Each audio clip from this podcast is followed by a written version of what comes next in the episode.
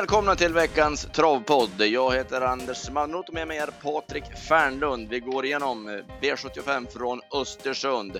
Sen har vi läckra tävlingar på Solvalla onsdag och dubbla V75 omgångar. Så mycket gå igenom. Vi kör igång!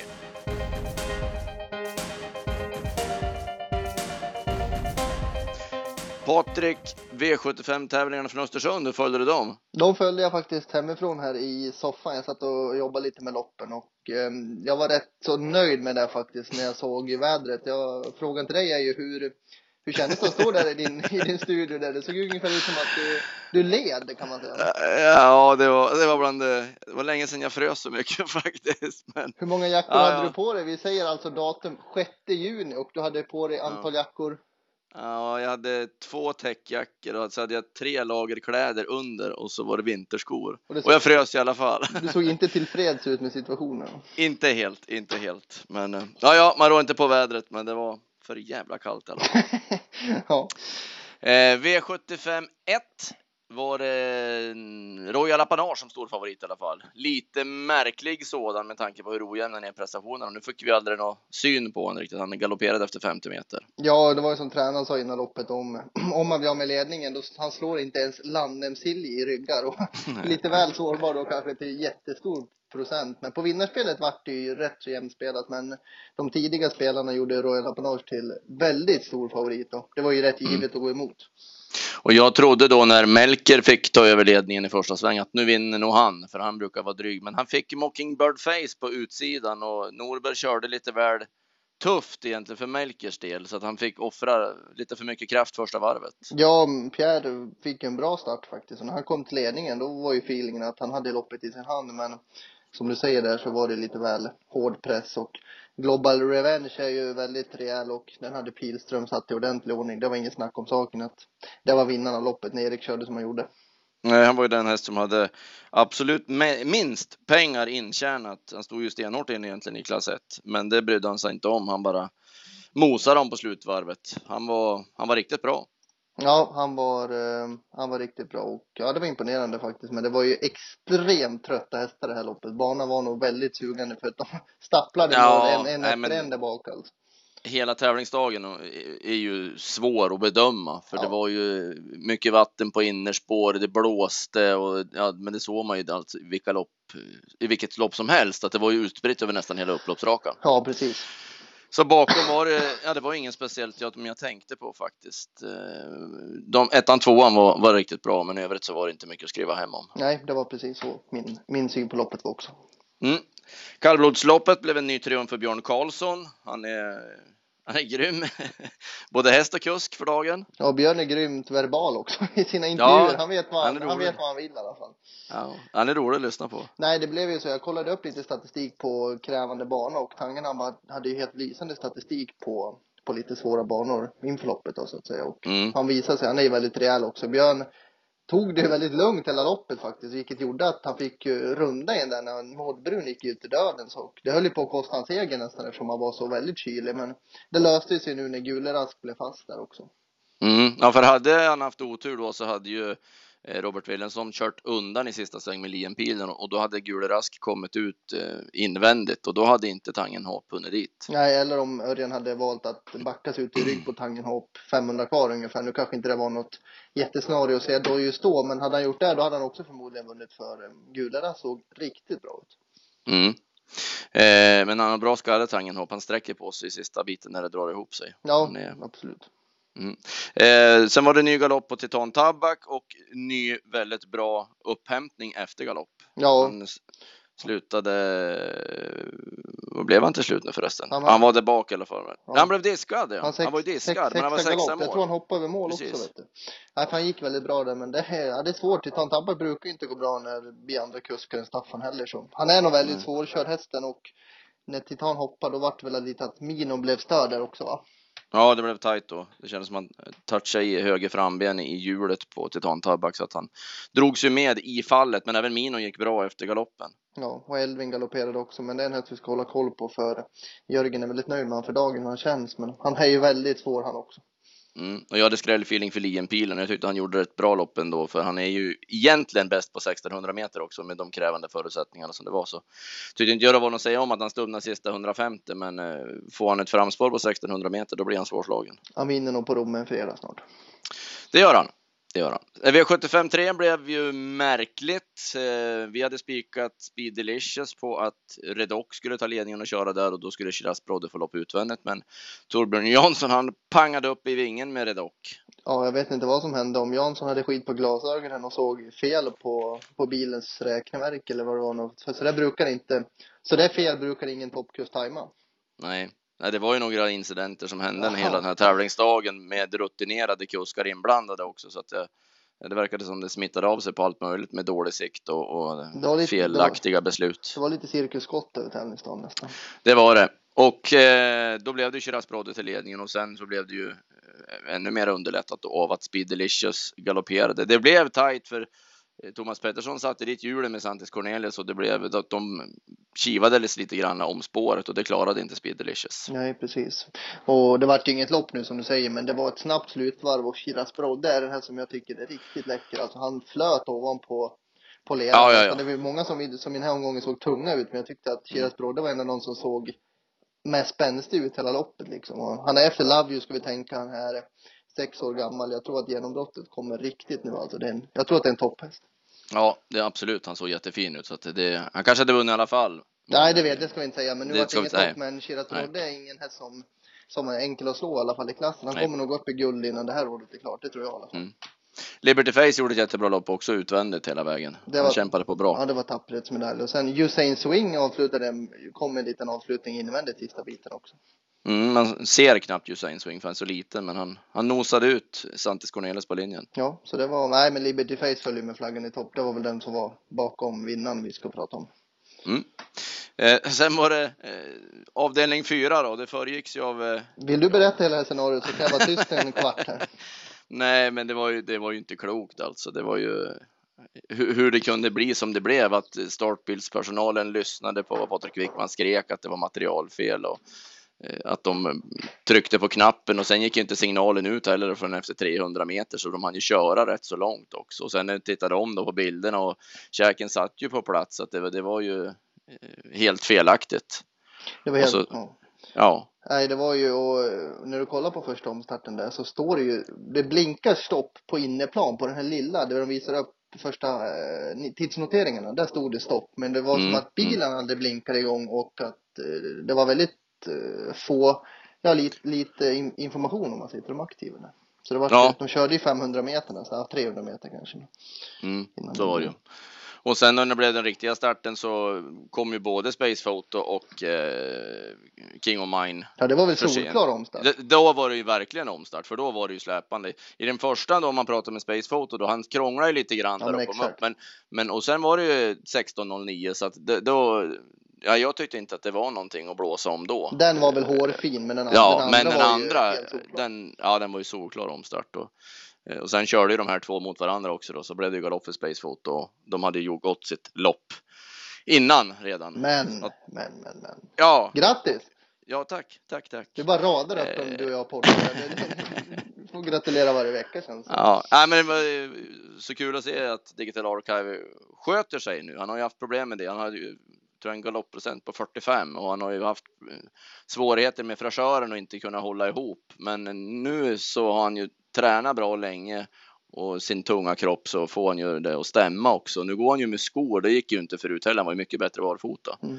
Eh, dessutom tappade han högre framsko 700 kvar också. Norberg sa det till mig att nej, nu är det i ordning i alla fall för nu kan han gå balanserad hur som helst. Oj. Eh, Mm. Så den, den flög 700 kvar, men det brydde han sig inte om. Han bara matade ner dem ändå. Ja. Nej, han var jättebra. Det var. Men jag tror inte han hade vunnit om första starten hade gått. Ja, han var ju väldigt gynnad av att det blev som det blev. Det ska man inte säga, men ja, ja, eh, för honom, för hans del så blev det ju. Och här har jag en Eh, som är stenklar nästa gång som var med bakom där. Han kanske heter The Superfilius. Det heter han, för den har jag jagat här nu och Ja, Till sataken som han såg ut i biken. oj, oj, oj. Som han, eh, ja, för hade första starten gått då, då hade det Superfilius vunnit för han var ju bra på det då eh, körde ju till efter svängen och då när de fortsatte. Mm. Han hade inte lagt det loppet. Nej, det tror inte jag heller också om han såg ut nu och eh, han verkar väldigt laddad för det vart inte rycktussar den här gången heller. De har ju sagt det två Nej. gånger i rad nu men det behövs nog inga rycktussar nästa gång han kommer ut för han ser oerhört bra ut och han svävade ovanpå leran. Mm. Men han hade ju ingen möjlighet Örjan riktigt. Han vart ju blockad. Nej, det vart fel alltihop där när den Ja. satt i tredje spår Peter För Space. Cadet eh, höll ju så bra. Den höll, hade- den höll storstilat. Ja, den kommer att vinna ett sånt där vanligt lopp, ett dubbellopp på Bollnäs eller något. För den höll jättebra. Den höll riktigt bra. Eh, Så att Örjan fick ju inte fritt förrän det blev 150 kvar och då var ju de här två för långt före. Och då är Örjan så smart så han kör ju ingenting. Han lät han bara springa på men han såg ju oerhört bra ut. Ja, det gjorde han. Ja, han var anmäld, eh, eller han ska ut på Boden på lördag i, i, i lördagsloppet. Så att en snar revansch. då tar vi det där istället. Ja, eh, avdelning 5 blev en sömnig historia. Det var ingen som gjorde någonting. Lät Frida Montana husera i ledningen. Ja, det var som att, eh, nej det var väldigt enkel seger, spets och slut. Det var inte så mycket att prata om, om det här loppet. Det var som att Mads och Nielsen fick bestämma hur som helst där framme och det blev ju väldigt säkert. Ja, det var konstigt att ingen gjorde något. De var som paralyserade och kvarva på var det strax under 19. Så det, då går det inte att ta någonting när alla ska prova. Det var två hästar som jag tog med mig i alla fall. Eileen Boko såg fin ut, fick aldrig chansen mot tredje invändigt. Och Lingbo Ja. Helén såg fruktansvärt fin ut alltså. Hon klättrade bakom och var, hade hon fått fritt någon gång så hade det skjutit till rejält. Varför tog du min häst för? Ah, okej. Jag skulle också Ja, säga, ja. för i sista sväng där, hon, hon låg raklång i vagnen. Ja, hon visste inte vart de skulle ta vägen riktigt. Det var knappt hon kunde hålla Lingbo Helén. Nej, och sen flög hon fram. Hon har inte haft någon här riktig, eh, men nu har hon hittat, hon har väl fyra raka nollor. För jag kollade upp Ja. det innan podden här nu för att nu för nästa start då förlorar hon alla poäng. Ja, ja. Så vi räknar med att Lingbo Helén kommer vara ordentligt, ordentligt eh, nästa gång. Bra. Eh, sjätte, det var Jämtlands stora pris. Och Chelsea Boko brottade ner dem över upploppet. Han var eh, jäkligt bra. Ja, han var riktigt bra och det är ju imponerande att han, nu hade han inte vilat så länge, men det var väl ändå nästan två månader. Men Timos hästar går ju riktigt bra och Chelsea Boko vann ju med imponerande mycket krafter kvar får jag lov att säga. Mm. Som det såg ut. Ja, man ser steget som han hade då över, eh, över linjen och så där. Så det, det, det var mycket krafter kvar och han blir ju väldigt spännande att se upp i Boden nu också då, på lördag. Han lär inte vara sämre. Nej, det lär han ju inte vara. Och, eh, men det, det är ett skönt tryck i honom. Och nu verkar han ju ha kommit ur de här Vincennes-starterna också på bra sätt. Så eh, då har han ju fått lite eh, ännu mera hårdhet. Mm. Eh, lite konstigt blev ju det här loppet ändå. Oasis B kom till ledningen efter att Cool Keeper släppte.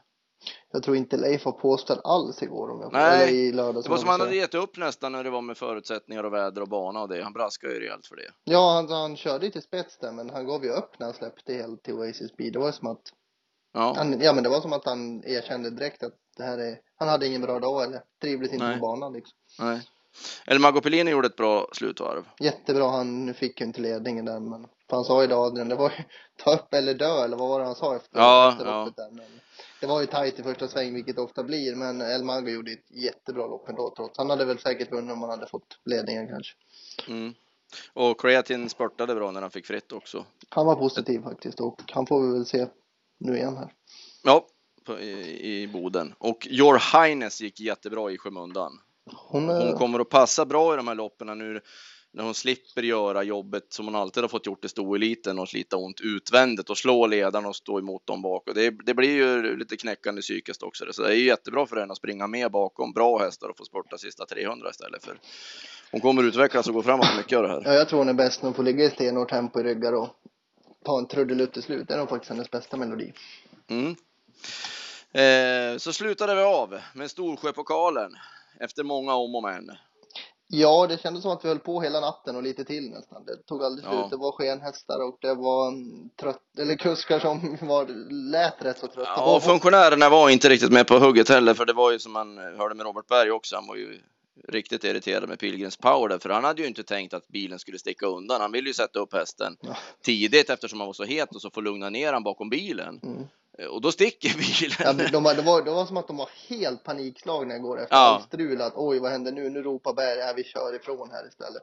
Och det Ja. vart ju lite fel. Han sprang väl 10 ett varv eller något sånt där. Ja. Och så åkte ja. Berg av och vad var det första han sa? Det här det var lite extra det här eller vad han sa. Ja, Det, var, det var som att det var glömt ungefär. Han låg med vanter där bak. ja. ja, och sen krockar då Håkan Skoglund och Magnus Jakobsson på det. Så att, eh, vi fick se 12 bakvarv på Leon Line också. Det var fyra strukna hästar innan det var klart. Det, här. Mm. det, var lite, det var lite svårt att räkna på det här loppet innan det var klart nästan. Det, vart ju ett, det blev ett helt annat lopp eftersom det fan försvann två hästar sista minuterna också. Mm. Därför tycker jag det är eh, extra imponerande ändå att de levererade som de gjorde.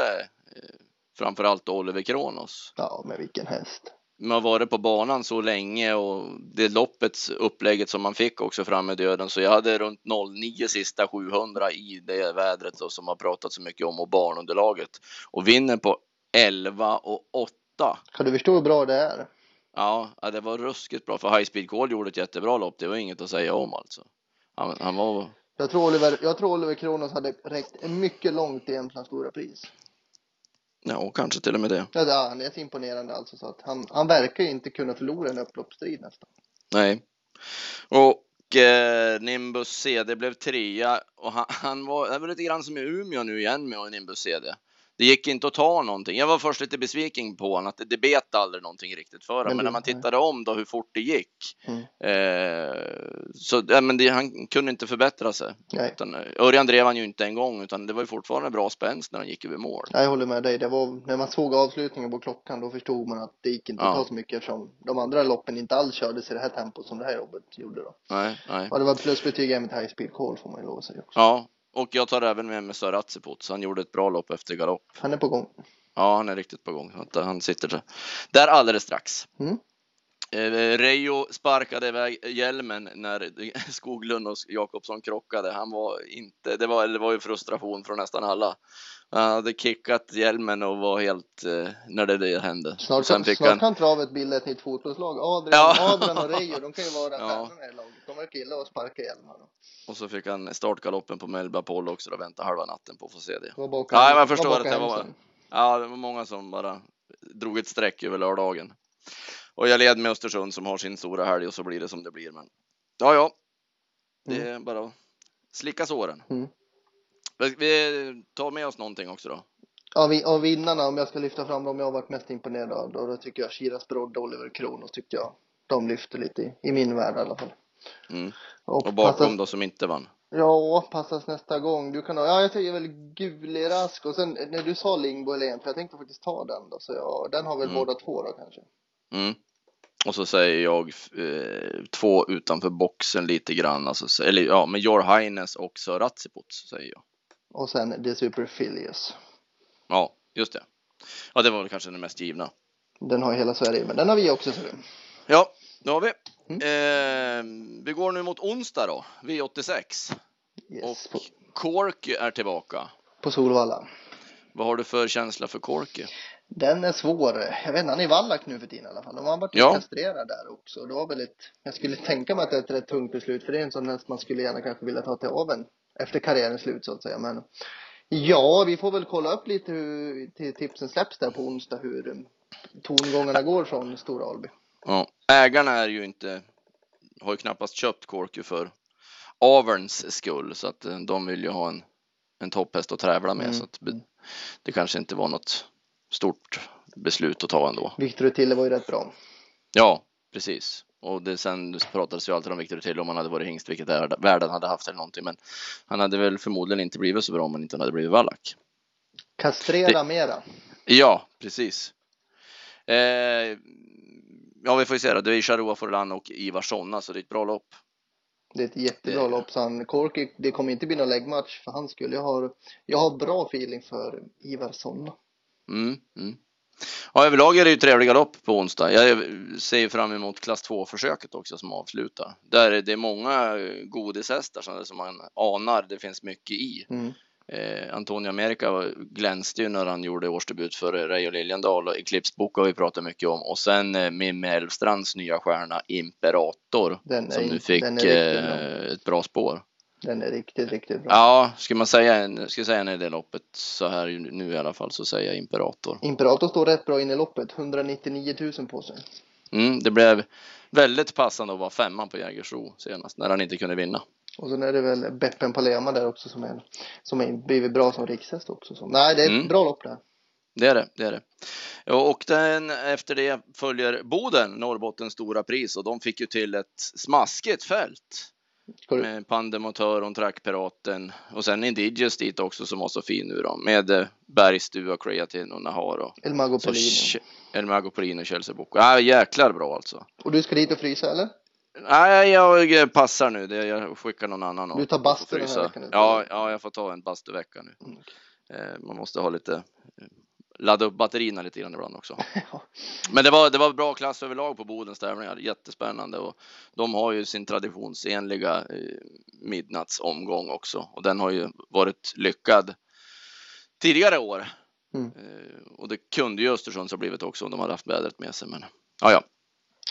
Eh, Oslo Grand Prix sen på söndag. Ja, det blev ett riktigt rivet lopp där också och ja, det blir en jättetrevlig dag det där för ramloppen är också toppbra så det blir, ja, det blir ruskigt sevärt och jag tror BB Sugarlight får eh, lite revansch här efter Elitloppet. Mhm, Så det är din vinnare? Ja, det låter det som. Ja, jag tror nog Papagayo jag vinner det. Jag, jag säger han ändå, fast han är lite osynad i de här sammanhangen. Men det han gjorde i Gävle, det, det kan jag inte bara bortse ifrån. En lunch var även Mantorp. Ja, vi kan ta ett lunch. Vi tar en, en head to head, först i mål. Du, det är lite fördel må jag säga dig, men jag, jag Ja, bjuder på du, det. du har råd med 70 kronor eller 89 eller Ja, head to head BB Sugarlight Pe- Papagayo. Den är bra. Den är bra, den är bra. Fint, då är vi klara. Vi släpper ju tips på uh, onsdag till uh, Solvalla klockan 14.00 på travtjänsten.se och så dubbla V75 då, missa inte det med eh, kvällstrav på lördagen i Boden. Fredag 15 släpps Boden-tipsen och eh, sen återkommer vi på lördag eftermiddag med eh, Oslo-tipsen till Bjerke då. Ha en bra spelvecka allihopa. Tack Patrik. Stort tack. Hej!